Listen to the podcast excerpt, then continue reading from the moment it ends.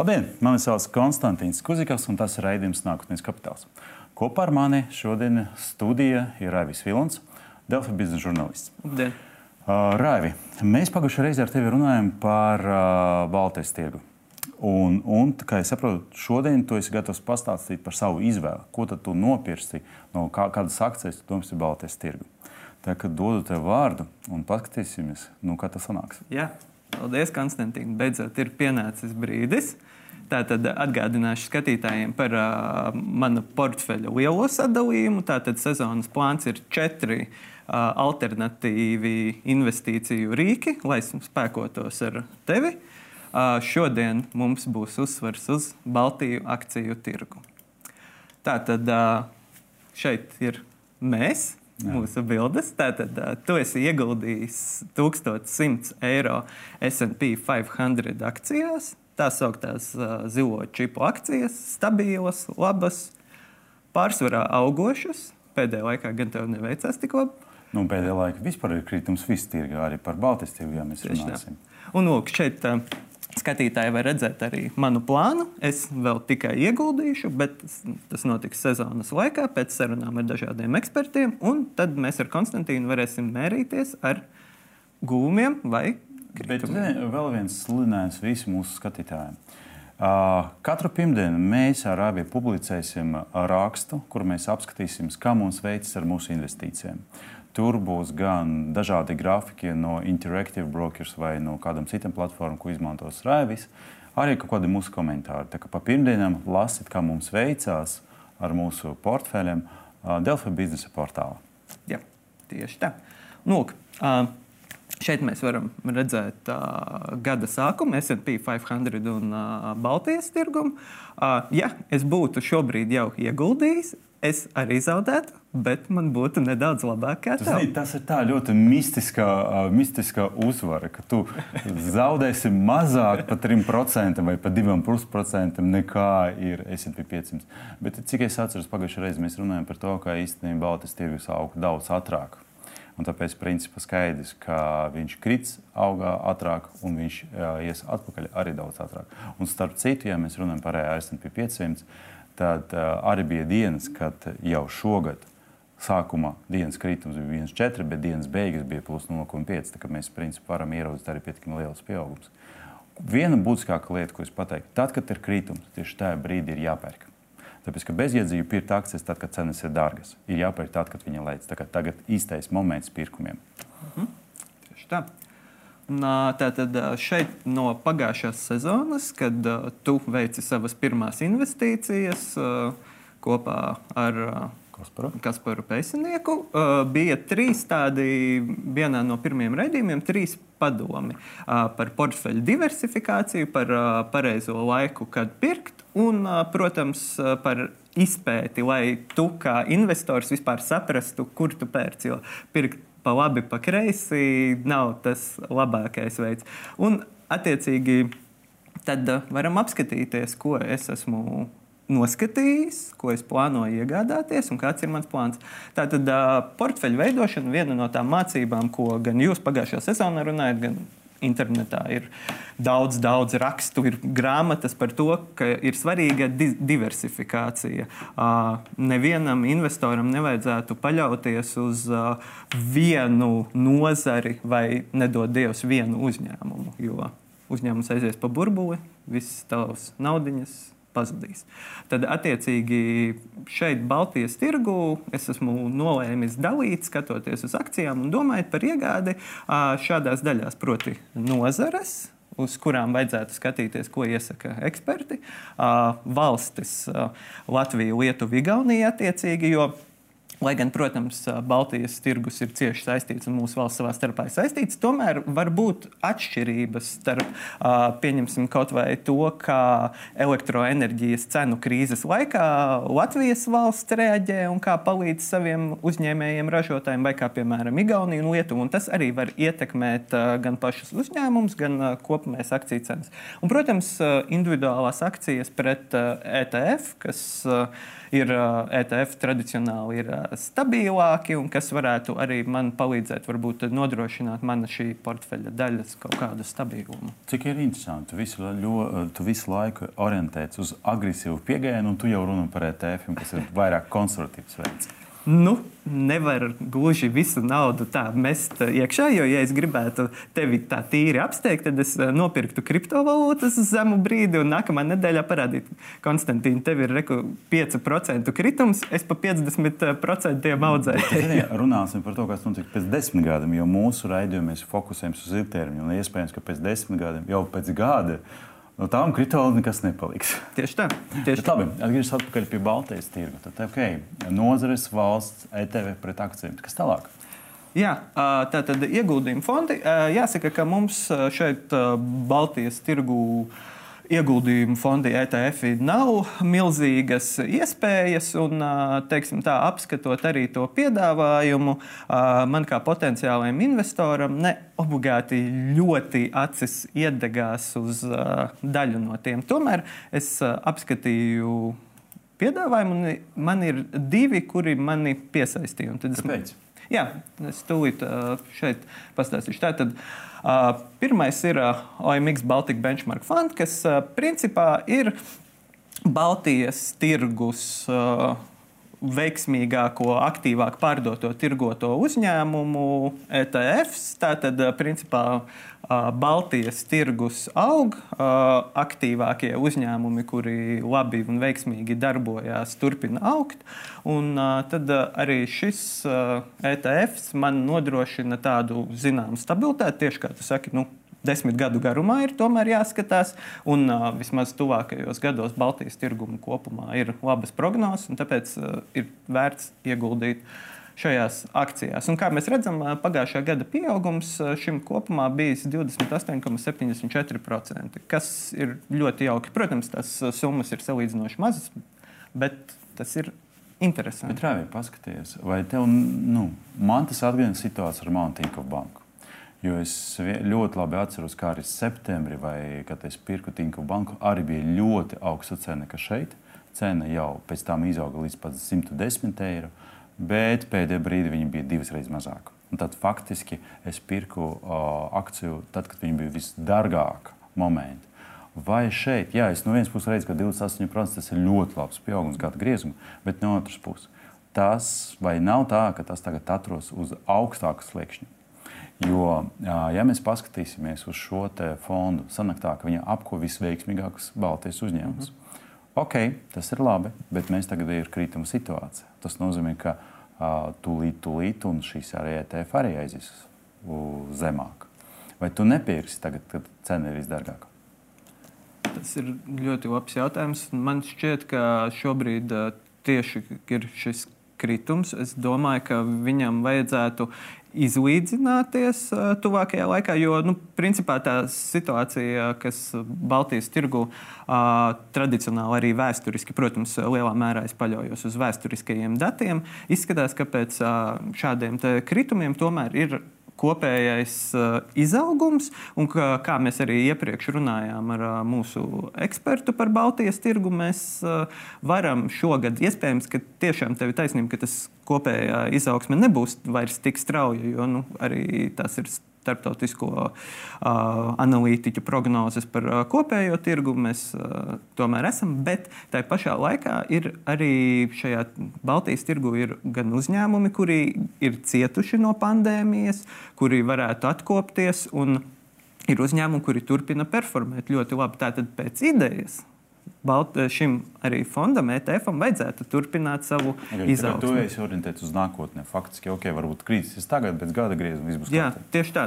Vismaz okay. Eh, ETF kontekstā es Pilnīgi noteikti. Un šeit ir uh, INLV Baltic Fund, kas apskatot uh, fonda datus, uh, pieejamo informāciju un uzņēmumus, kuros ir ieguldīts, principā lielā mērā ir uh, ļoti līdzīgs iepriekšējam ETF-am. Šeit varbūt es uh, mazliet grēkoju ar to, ka iesaka neieguldīt vienādos vai līdzīgos produktos. Bet tas tā arī ir. Bet, uh, tas tā ir, jā tā kā šeit, šis ir Tas, par ko es domāju, es apsveru. Man ir vēl mazliet pārdomas, bet runājot par ETF, šie ir tie divi, kas man šķita vispievilcīgākie un kuri varētu man sagādāt vislabāko cerību spēkoties ar tevi. Bet jā, es uh, gribu vēl nedaudz padomāt, vai vērts pirkt divus uh, vienādus. Zini, man arī bija tāda situācija, un mums pat bija viens no raidījumiem, kad mēs runājam ar Kasparu Pēcnieku par to, ka vai ir vērts investēt uh, vienas industrijas akcijas. Un, ja tu zini, man ir gan Mastercard, gan Visa. Izskatās uz papīra, ka tas ir identiski uzņēmumi.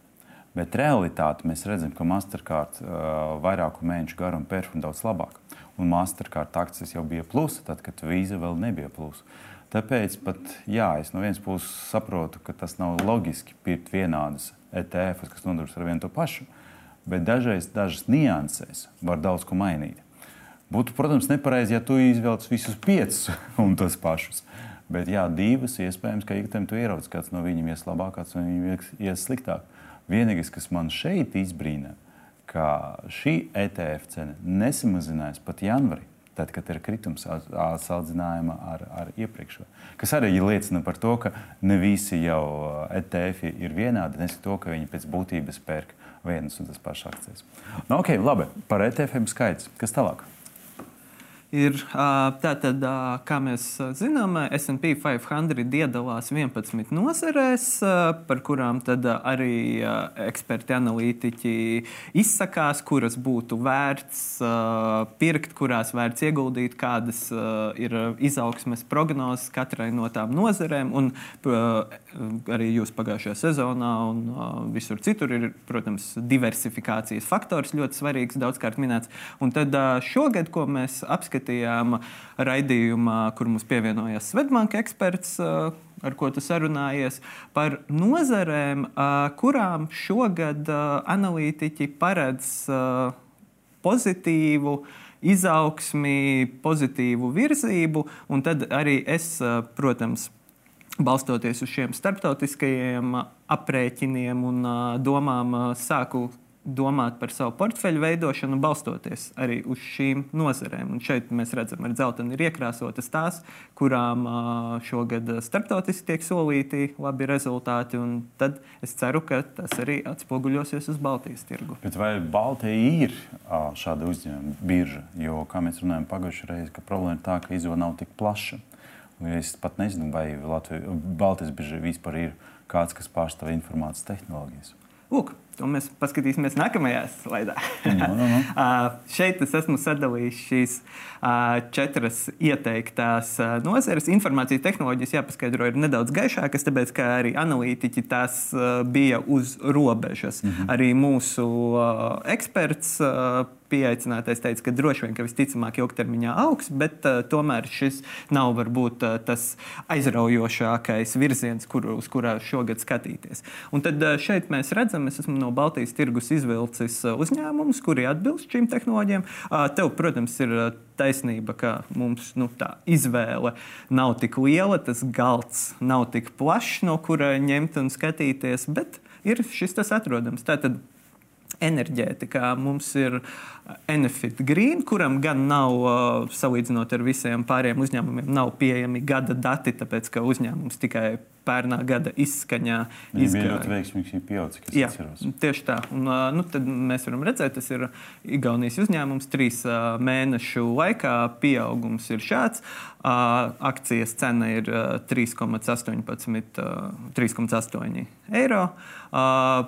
Šeit ar Enefitu Green pastāv zināms risks, ka nu jau tas tuvojas savai tai uh, robežai, ka tas varētu pat kļūt kādā ziņā pārvērtēts, jo tas arī uh, skatoties tīri tā uz uh, tirgošanas datiem, akciju pēdējos uh, mēnešos, tas ir viens no visaktīvāk pirktajiem, tirgotajiem uzņēmumiem un iespējams, ka uh, tas tuvojas savai kaut kādai robežai. Un, visticamāk, nākamā gada laikā, ja nenotiks būtisks pārmaiņas, tas varētu arī neuzrādīt tik veiksmīgus izaugsmes procentus kā līdz šim. Bet tu zini, no otras puses, ir Ignītis grupa, kur ir 21. gada, kas bija ļoti veiksmīga, īpaši pret Baltijas tirgu, parādīja vispār 6% kritumu.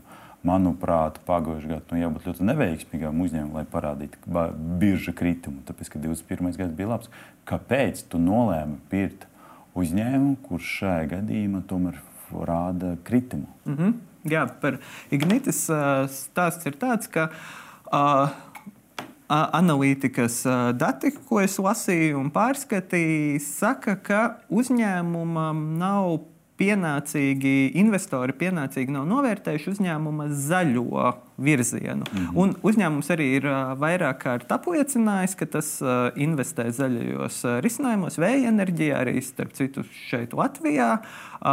Uzņēmumam ir interese par zaļo enerģiju, nu, kas ir loģiski, tāpēc ka Eiropas zaļais kurs un tā tālāk, un tā joprojām, kas nozīmē, ka būtu vērts, ir vērts uz viņu paskatīties, un arī kā mums uh, iesaka eksperti, analītiķi, akcijas, un kā tu pats saki, akcijas ir jāpērk tad, kad viņas ir lētas. Mhm. Un tad, attiecīgi, šajā gadījumā šis gads ar pieaugušajām elektroenerģijas cenām izskatās enerģētikas nozarei interesants un pievilcīgs. Un, salīdzinot ar Enefitu, kurš jau varbūt tuvojas tam savai robežai, jau akcijas sāk kļūt pārvērtētas, tad Ignitim ir kur augt. Tā tad man ticība un cerība ir tā, ka šis uzņēmums varētu manā portfelī radīt patīkamas līknes uz augšu. Okay, labi. Jā, nu, veselības aprūpē, diemžēl, mums nav uz ko skatīties. Tad uh, tur ir tukšums. Uh, tas uh, segments uh, netiks nosakts uh, manā Baltijas tirgus portfelī. Tad mums ir uh, sakari un telekomunikācijas, kur ir uh, SAF tehnika, uh, Latvijas uzņēmums. Uh, stabils, stabili strādā. Starp citu, pārskatot dažādus uzņēmumu materiālus un datus, viens no retajiem, kuram es atradu, kurš izmaksā dividendes saviem akcionāriem, tas sīkums, bet patīkami. Protams. Nu, atkarībā no tā, cik ir ieguldīts. Varbūt arī vairāk sīkums. tas uh, ir atkarīgs. Bet nu, jā, uzņēmums uh, uzrāda stabilus uh, rezultātus. Uh, ilgtermiņā tas ir jā, nu, godi, e, stabils, uh, tam ir uh, patīkama izaugsme arī, vai arī tas nav nekādi kosmiskie. Kosmiskie rādītāji varbūt netiks sasniegti, bet tā ir nozare, kurai tiek paredzēts visai labs gads, nav pamata šobrīd domāt, ka uzņēmumam šis gads varētu būt sliktāks kā iepriekš. Bet Lietuvā Lietuva atkal tas pats stāsts. Pagājušais gads bija ļoti veiksmīgs. Tēlē Lietuva neparādīja nekādu pieaugumu. Nu, labi, Ignītas grupa, tu vismaz stāsti par to, ka vēl ir uh, nenovērtēts. Viņam daudz zaļu plānu. Mēs zinām, ka zaļas, tagad zaļa enerģētika ir uz sava viļņa, un noteikti cilvēki gribas vairāk un vairāk investēt. Kā arī mēs redzam, ka NFIT pievienot vārdu green uzreiz ir, ir laba pozīcija. Tēlē Lietuva, vai viņi arī plāno aiziet uz zaļu enerģētiku? Jā, lūk, šis ir tas otrais uzņēmums sakaros un telekomunikācijās, kuru es esmu iekļāvis, bet šobrīd es viņu negrasos vēl iepirkt. Es vēlos nedaudz pavērot šo uzņēmumu, jo man vajag arī nedaudz vairāk laika veltīt izpētē, lai labāk izprastu. Jo tas uzņēmums, ja neskaita to, ka es atceros, ka 2000. gados manā dzīves vietā Telija piegādāja internetu. Man nav īsti priekšstata, kā uzņēmums strādā. Un, jā, Tāpēc arī tas ir tāds, kurus šobrīd nepērku. Es viņu iekļāvu nozares apskatā, bet viņš ir manā tā sauktajā vaču listē. Jo uh, iespējams, uzzinot vairāk, atrodot vairāk informācijas vai uzņēmumam paziņojot kādas interesantas lietas, uh, viņu varētu paspēt arī nopirkt, jo akciju cena ir zema salīdzinoši. Un, ja parādās pareizais brīdis, tad uh, tirgus vērotājs var paspēt iesaistīties. Un tā. Uh, Jā, un tad mums ir ceturtais, ir informācija tehnoloģijas, Hansa Matrix Latvijas uzņēmums, kuram uh, manas sajūtas ir līdzīgas kā ar Tēliju. Es gan uh, Hansa Matrixu zinu labāk, zinu labāk, ar ko tie nodarbojas, taču uzņēmumam pagājušais gads uh, tīri tā ciparu izpratnē nav bijis pats veiksmīgākais. Un kas mani baida saistībā ar Hansa Matrix, ir globālais pusvadītāju iztrūkums, kas nenoliedzami ietekmē arī šo uzņēmumu. Starptautiskie analītiķi un tādi uzņēmumi kā IBM.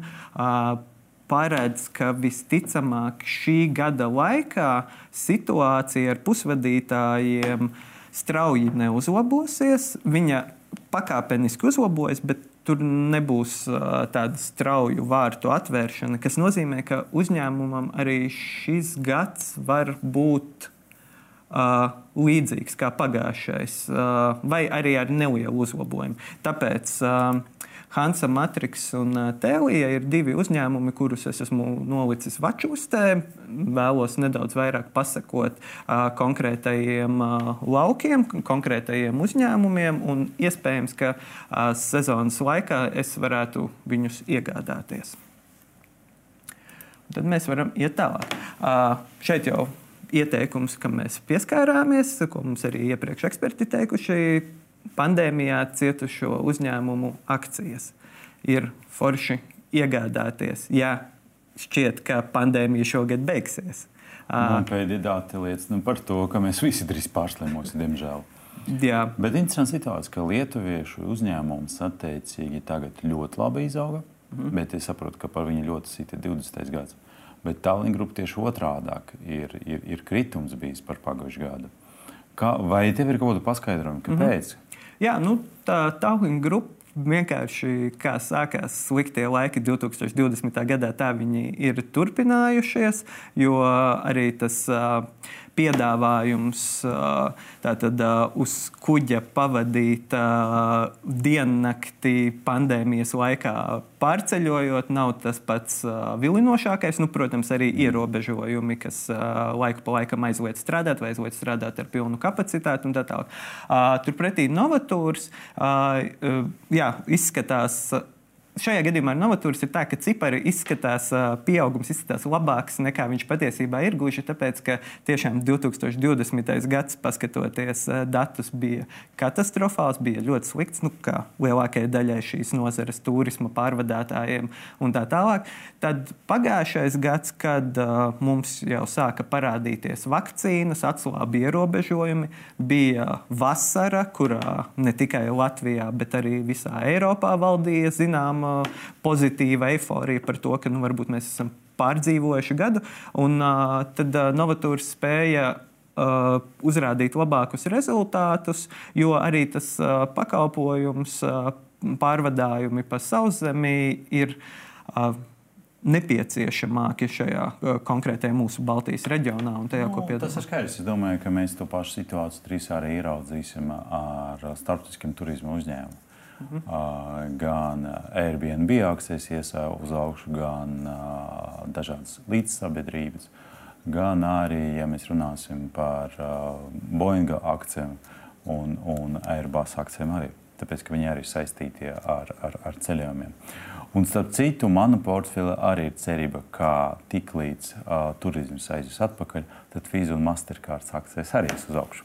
Ok, labi, par šī man arī skaita. Kā izskatās tas tavs, tavs, tavs, tavs portfels kopumā? Pagaidi, vēl mums ir à, finanses un patēriņš. Jā, jā. Uh, finanses uh, tas ir tāds, uh, ko es uh, nosaucu par uh, atkal zināmai stabilitātei, jo uh, kopumā uh, šis gads uh, finansēm varētu būt normāls. Ja ne izcils, tad skatoties atkarībā no kā gan Baltijas reģionā, piemēram, elektroenerģijas krīze attīstās, gan uh, inflācija, gan citi apstākļi, bet kopumā uh, banku finanšu sektoram vajadzētu būt diezgan stabilam. Pagaidām netiek solītas lielas, smagas krīzes, kas varētu iedragāt šo sektoru.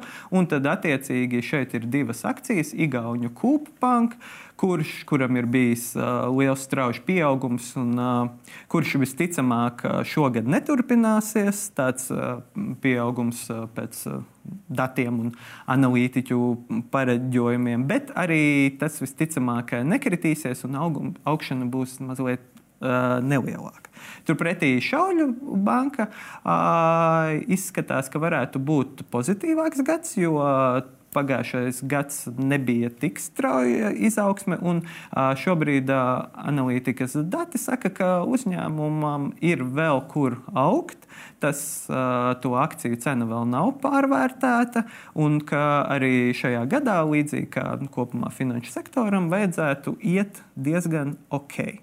Nu, Tātad šīs tādas stabilitātes akcijas, drīzāk es nedomāju, ka tās ienesīs manā portfelī milzīgu izaugsmi, bet ja, nu, kā mēs jau kā, kā mēs pieredzējām 2020. gadā, mēs nevaram paredzēt visu, kas notiek, bet ja nekas šausmīgs nenotiks un tiešām piepildās analītiķu un arī dažu medicīnas speciālistu prognozes, ka Covid-19 pandēmija aiziet aizmugurē, un cerams, ka arī ģeopolitiskās un citos jautājumos varbūt pieredzēsim relatīvi mierīgu gadu, tad arī Baltijas tirgus bankām vajadzētu uzrādīt uh, normālus, saprātīgus izaugsmes rezultātus.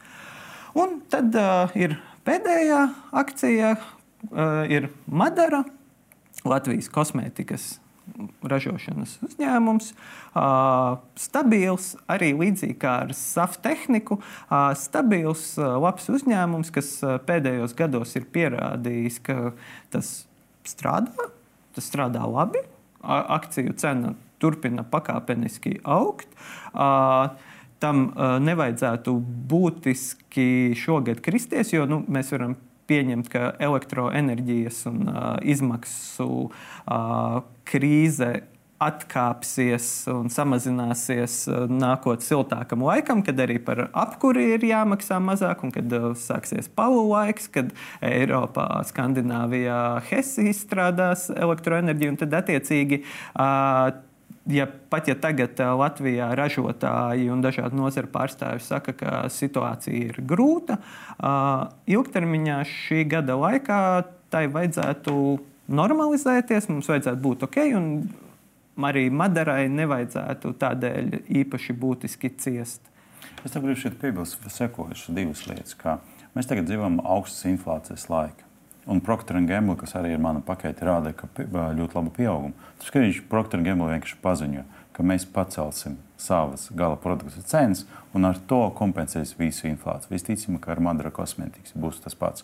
Visas tas enerģētikas izmaksas pārējais uz cenu, pārējais, diemžēl, uz gala lietotāju. Ja mēs runājam par Kobanku un par Šauļēju banku, tad attiecīgi mēs zinām, ka centrālās bankas šogad pacels likmes. Tā ir brīdī, kad centrālā banka pacēla likmes. Uh, privāta banka veids daudz labāk. Vienīgais, ka man ir tāds bāžas par to, ka Kobanka jau ir ļoti labi pārvērtēts, un tas bija pagājušā gada bums, ka tad, kad visi mēģina viņu nopirkt no tā. Bet par Šauļu banku situācija sekojuši, ka jā, viņš nav novērtēts. Tāpat, ka īstenībā viss tas Lietuvas uzņēmums, par kuru tu runāji, un arī kaut kāda daļa ir Latvijas, Latvijas uzņēmuma. Tāpēc, ka īstenībā Baltijas tirgu vairāk Igaunu investoru. Viņi labāk saprot, kas notiek Igaunijā, mazāk saprot, kas notiek Latvijā un Lietuvā. Tāpēc, tāpēc tā ir problēma, ka uh, kopsumma gan vidē akciju vērtība, gan tirgus, uh, ja mēs runājam par akciju tirgu, uh, kas sastāv no Lietuvas un Latvijas, un viņš ir mazāks nekā Igaunija. No otras puses, iespējams, ka Igaunija beidzot sāks investēt uh, Latvijas un Lietuvas akcijas, lai dabūtu lielāku peļņu, un tā to arī varēsim dabūt lielāku pieaugumu. Mans ir jautājums. Vai tev bija citas alternatīvas? Jo līdz cik es atceros, Rīgas un, un, un Viļņa kotētas akcijas, nu, viņi ļoti maz. Jā, tā, tā ir taisnība. Galds ir kā sliktā viesnīcā, ir maza brokastu galda izvēle. Uh, kas nenozīmē, ka individuālie ēdieni gan ir slikti. jo, manuprāt, jā, alternatīvas nav lielas, sevišķi skatoties pa nozarēm, jo ir diezgan daudz nekustamais īpašums, pārtikas ražotāji pārdevēji, kuri šobrīd nav tik pievilcīgi. Vismaz man nešķita pārskatot viņu finanšu datus un plānus un nākamā gada prognozes.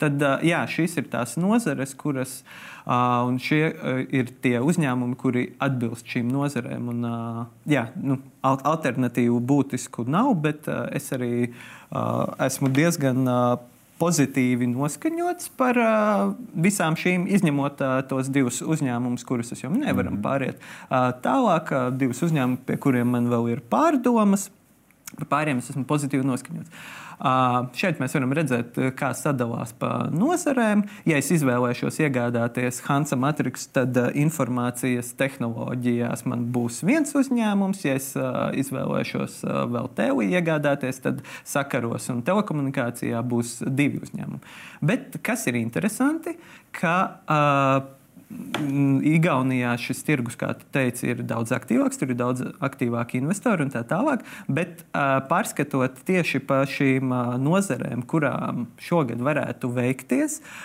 principā Lietuva un Latvija pat tuvojas tīri nozaru ziņā. Mm. Kas nozīmē, ka mēs varētu pieredzēt tieši kā tu saki, ka Igaunu investori varētu sākt arī skatīties uz Lietuvas un Latvijas uzņēmumiem. Arī arī sekojot trendam, ka uh, ir šīs nozeres, kuras 2022. gadā varētu potenciāli uzrādīt labākus rezultātus. Tā kā attiecīgi teorētiski pastāv iespēja, ka šis gads varētu būt interesants Baltijas tirgu un uh, turpināt to pozitīvo virzību.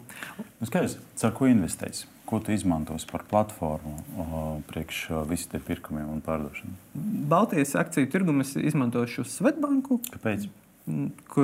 Tā, man, tā ir ērta un nav komisijas mm -hmm. maksas, kas ir nu, loģiski ieguldot nu, gan mazam investoram, gan lielam patiesībā. Tas ir ļoti patīkami, ka Baltijas akciju tirgu var ieguldīt bez komisijas maksām. Tas ir tas galvenais uh, aspekts. Un tātad šeit mēs varam redzēt to šī brīža portfeļa sadalījumu. Attiecīgi 80% individuālās akcijas, 20% ETFs. Ja es izvēlēšos iegādāties divas akcijas, par kurām es pārdomāju, tad tas sadalījums svars nedaudz mainīsies. Bet nu, kopumā šis ir tas, kā es šobrīd vēlos būvēt savu portfeli, lai varētu beidzot sākt spēkoties ar tevi. Okay. Vienīgais, ko es gribu atgādināt tev un visiem mūsu skatītājiem, tad, kad jūs plānosiet nopirkt akcijas vai Baltijas tirgu vai kaut kādas citas biržas, uh, atgādina par to, ka jums ir iespēja izvēlēties vērtspapīra kontu vai ieguldījumu kontu. Par tām starpībām un kāpēc ir labāk uh, atvērt ieguldījumu kontu, kā arī par to, kā pieteikt ieguldījuma konta uh, vide, lai nemaksātu daudz nodokļus. Par to mēs run, pagājuši, uh, runājam jau decembrī. Par to ir nākotnēs uh, kapitāla bija vesels raidījums un pietiekami uh, labs raksts ar uh, dažādiem veidiem. Uh, Un, uh, mēs ļoti uh, aprakstījām, detalizēti aprakstījām, kā pieteikt uh, ieguldījumu kontu Revolūta, kā pieteikt Svetbanku vai kā pieteikt to Interactive uh, Brokers platformā.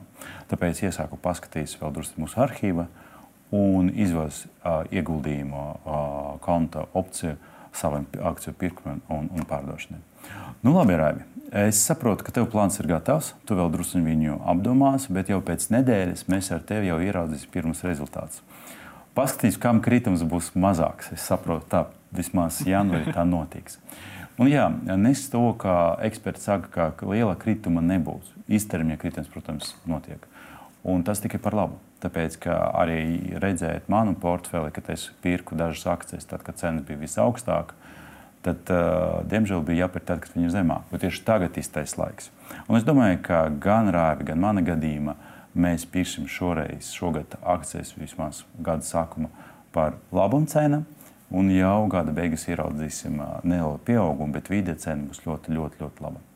Okay, tas bija raidījums Nākotnes kapitāls. Tiekamies jau pēc nedēļas, kad mēs varēsim atskaitīties par to, kā no mums veicās labāk, vai raiviem, vai šajā gadījumā man un kā attiecīgi tas investīcijas, ko mēs veicam, pārveid, pārveidos par reālu kapitāla pieaugumu. Paldies jums visiem, tiekamies jau pēc nedēļas.